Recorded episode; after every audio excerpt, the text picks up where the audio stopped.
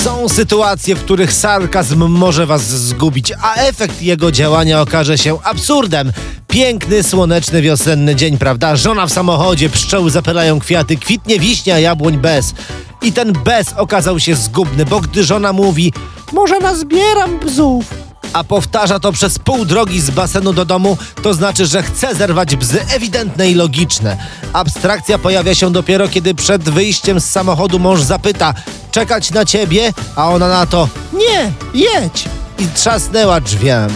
Sarkazm okazał się absurdem, prawda? Bo mąż pojechał na dalsze zakupy do galerii Kaskada, a żona została z bzami pod Tesco na Pomorzanach.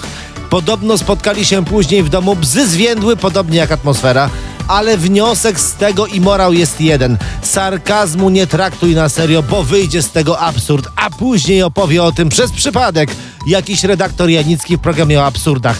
Nie bierz dosłownie tego, co mówi kobieta, bo zostaniesz i bez bzów, i bez partnerki. Ale ważne, że był piękny, słoneczny, wiosenny dzień, pszczoły zapylały kwiaty, kwitła wiśnia, jabłoń i pomorzański bez, bez, bez sarkazmu i absurdu.